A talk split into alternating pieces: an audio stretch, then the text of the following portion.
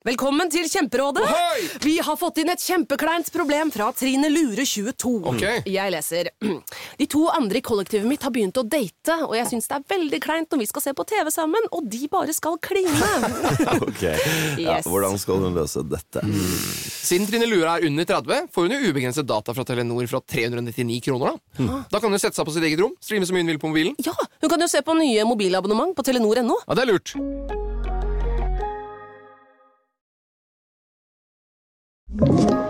En podkast fra Podplay.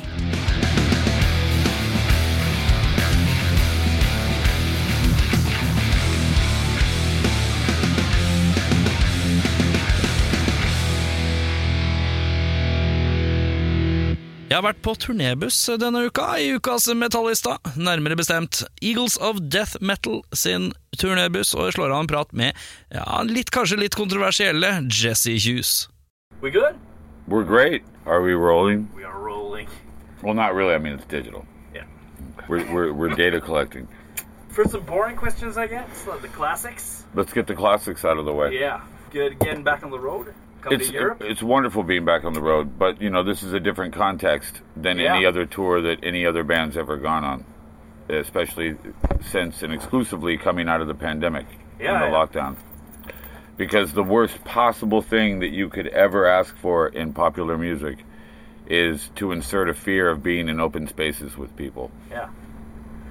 Have you noticed, like, are people, are crowds more reserved, or they're just like fucking happy to be out again? There's there's an across the board physical effect that's that's kind of science, but uh, we're seeing you know a cautious return to wanting to be into enclosed spaces with people, Yeah. just a little bit.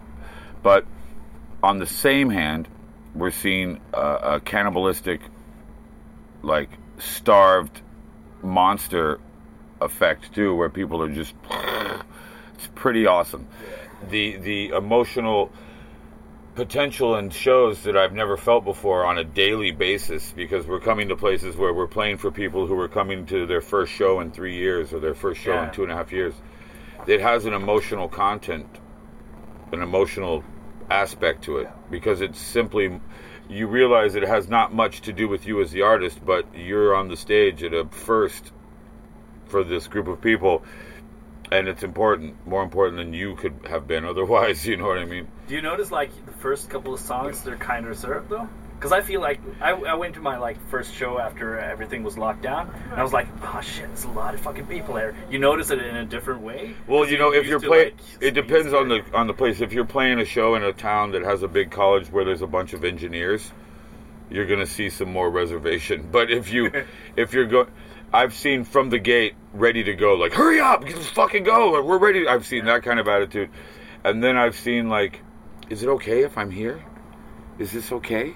Yeah. Like, but once we're done, my dad used to say there's two types of rock bands. There's a band that comes out and jacks off for everyone to see, and then a band that fucks everyone in the room. We do the second part every time. And and you know you know there's that commercial we're gonna wash that gray right out of our hair. Yeah. I fuck the fear right out of your ears. You got any nerves yourself though? Like heading out after like a couple of years of Well, you know, rock and roll for me has become a, a stacked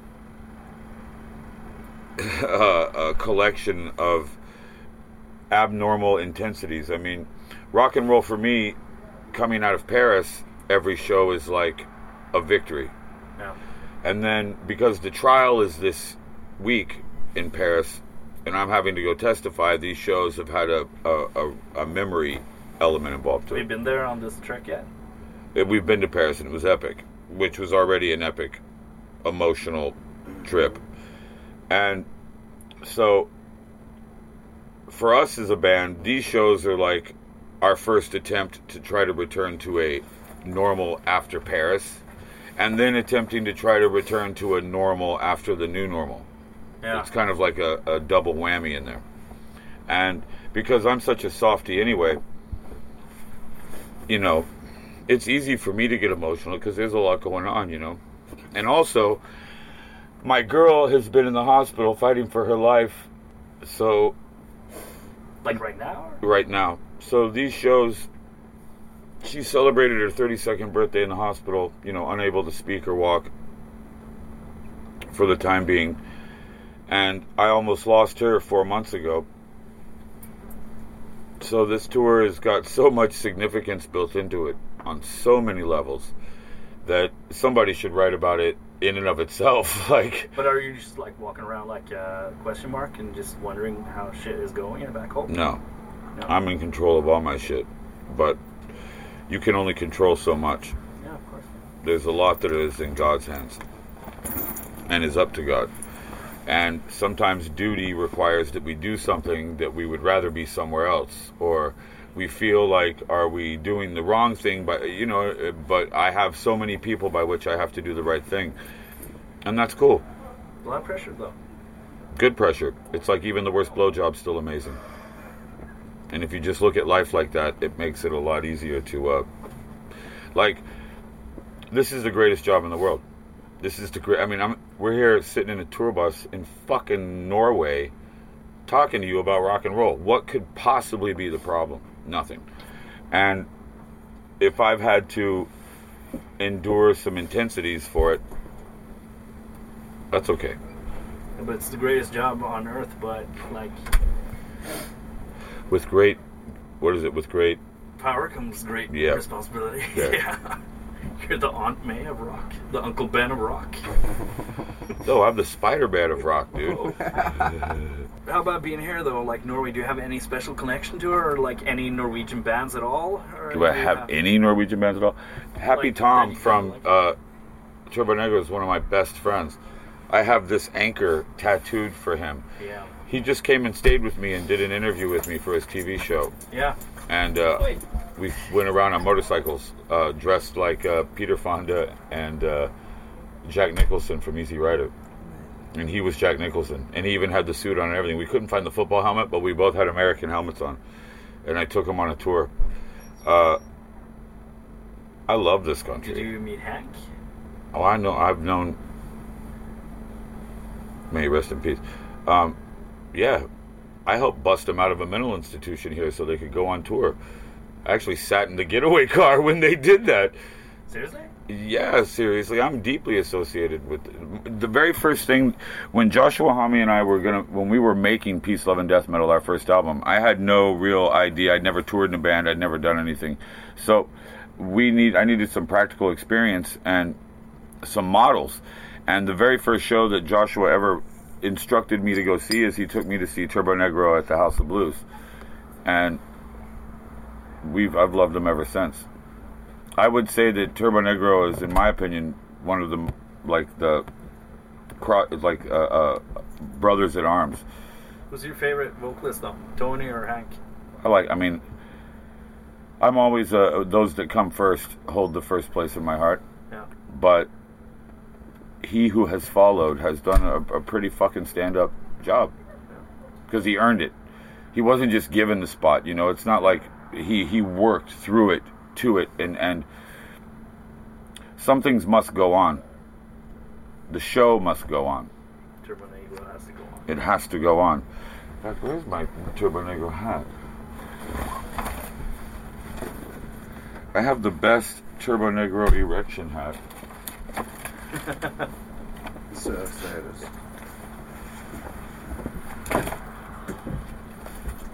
There you go. There we go.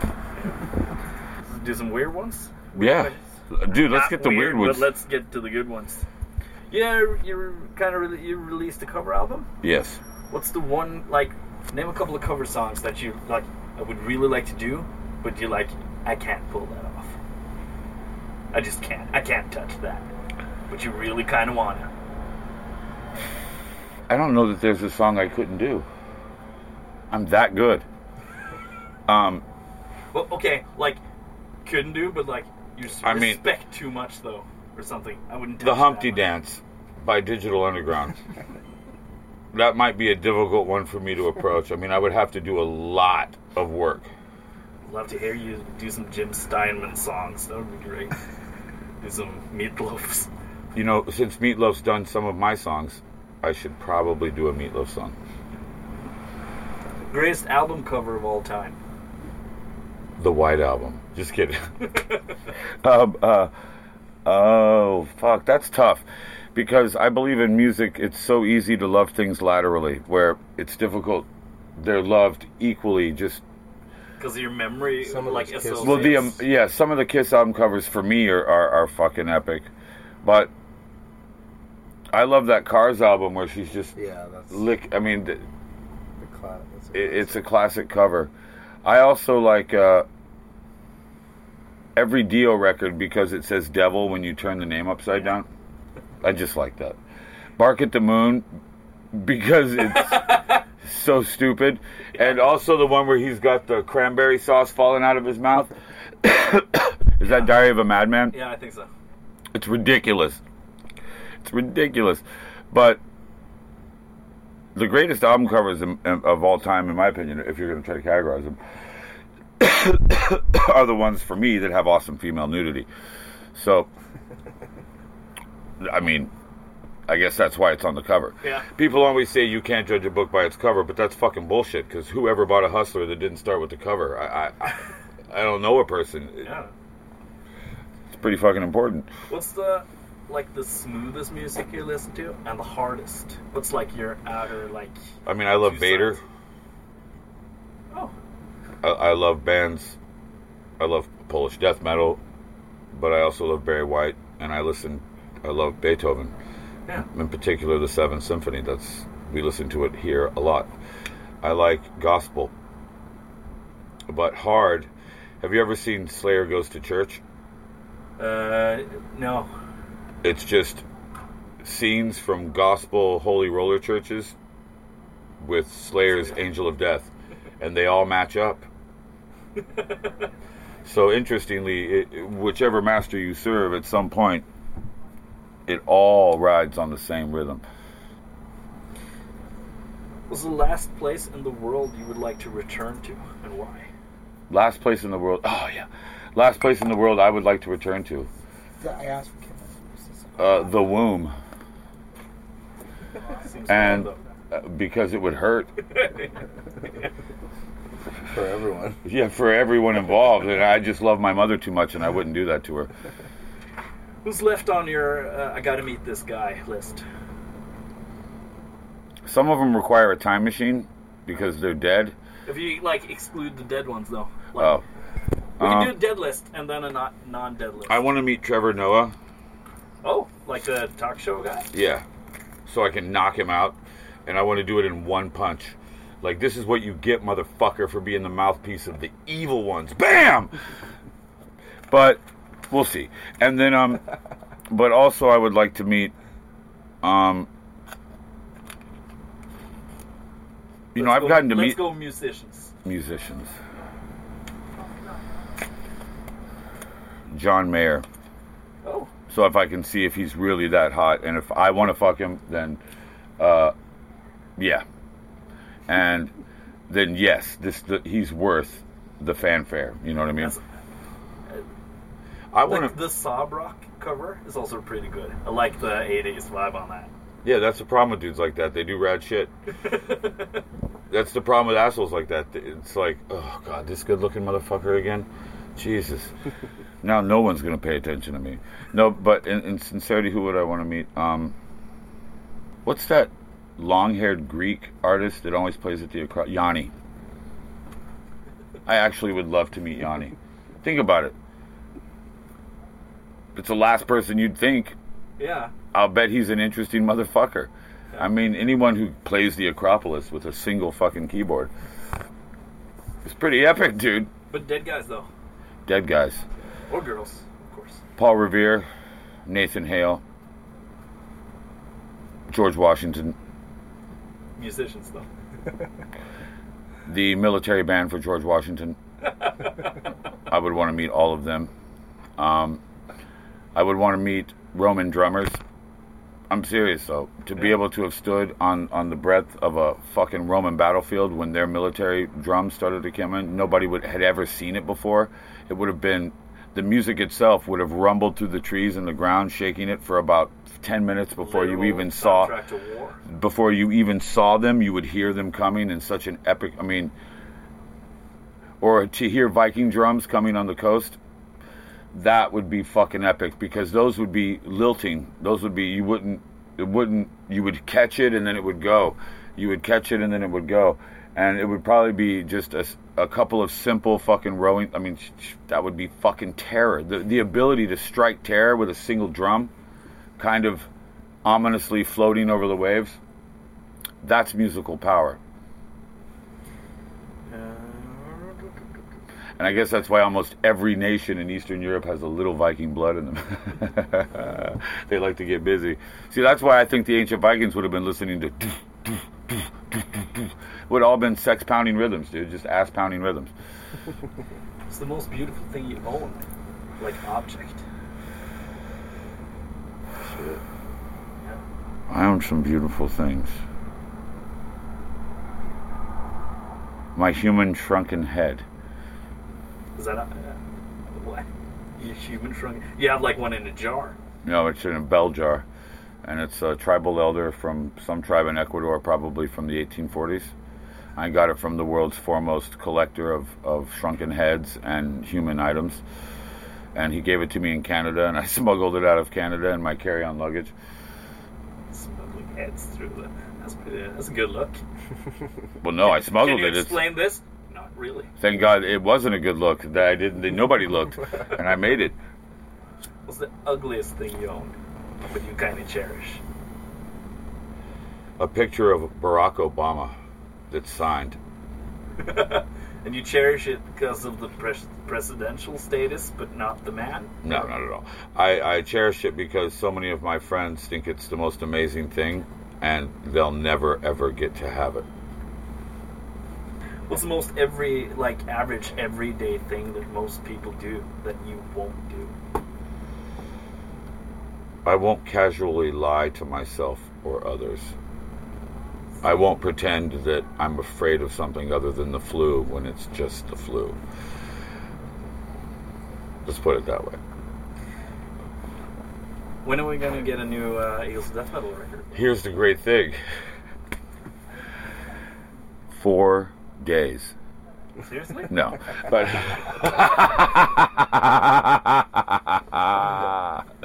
no, no. Josh and I have uh, we've already begun the process, and we start recording the second I get back from this tour. Oh yeah, I guess I'm telling you guys this too. Um, but we, we start recording um, almost the week we get back, because Joshua's been going through a lot too. Yeah, is, I, I thought about. it, I was like, is he in the mode for that now? Yeah, he's been he's he's a, Is he climbing up the mountain again? I don't. He never really left the mountain. What you saw happening was him casting others down the mountain, but it just to us looked like pole position. The car stays in the center of the screen and the Earth moves around it. But Joshua is the most exceptional, exceptional person I've ever known in my life, and you can't keep him down in the most corny of senses. But he's recovered everything that he wanted to recover, and now he wants to come out strong. The new, I mean, I, I mean, I don't know. The only thing that matters to him, in terms of everything else, just like me, is my family, hmm. my children, my. Those are the most important things. So he had to secure that, and I have to say, the admiration I have for the man has only been multiplied because of how much he's willing to take to protect his family. You know, I don't think most people could do it but he's also a true rock and roller at heart. And the way he's always escaped through things, especially over the course of his career, has been with music. And as his best friend, the mo- one of the few people that can really entertain him, probably not for reasons that feel good for me, but is me. Nå er hos Ark. Du får 30% på påskekrim og 40% på alle spill og puslespill. Jeg gjentar Ark har 30% på et stort utvalg krim og 40% på spill. Det er mye påske for pengene. Så hamstre påskekosen i nærmeste Ark-butikk eller på ark.no. What do you think about when I say Metallica? Well, I think anything uh, like kill them all, metal up your ass, but afterwards I mean, I guess I love Metallica, and some of my most violent acts that I've ever committed in my life were uh, committed as just and just before I committed them, I was listening to fucking jump into the fire. Uh, that shit is epic, and it's also life changing. And in terms of the, the the great pantheon of rock, they've left their mark. There's no denying them. But ultimately, I'd put on Slayer. Yeah, it's like you're if you go thrash metal, you go that way. or if I go that. But come on, fuck. When we're done with this, we're gonna listen to Metallica. Now you got me on it because that album, that album, just the cover, just the cover, the Shadow Hand, the Bloody Hammer. I mean, just the fucking cover of it got me in trouble. I did. I got the only two albums I've ever been grounded for was that Metallica album and Suicidal Tendencies. So metal music has been a part of you then. Yeah, my whole life. Yeah. When you grow up in the desert, Southern California, you were either into punk rock via Black Flag, or you were into Metallica. And I love Metallica. I mean, it's just what I personally do. What all that shit goes into me, and it just comes out the way it comes out. Like I understand that what I may want to do is not going to be what I may love or what I can do is not necessarily what I love. And that's cool. Would you ever like want to play in a metal band yourself though? Okay, yeah, sure. What would you do? Like, What would be your role? Like frontman there as well? No, I'd want to play like I'd want to be like the Michael Schenker. The shredder on the side, That's right, dude. smoking a cigarette and shredding and some. That's right. Just some weird thing that you couldn't be able to do otherwise, like no human could be able to do. I gotta go sound check. Ah, dude. So you gotta you gotta be like me and not sound check. You know, soundcheck. Fuck no, I wrote the songs. Why would I sound check? Du har hørt en podkast fra Podplay. En enklere måte å høre podkast på. Last ned appen Podplay, eller se podplay.no.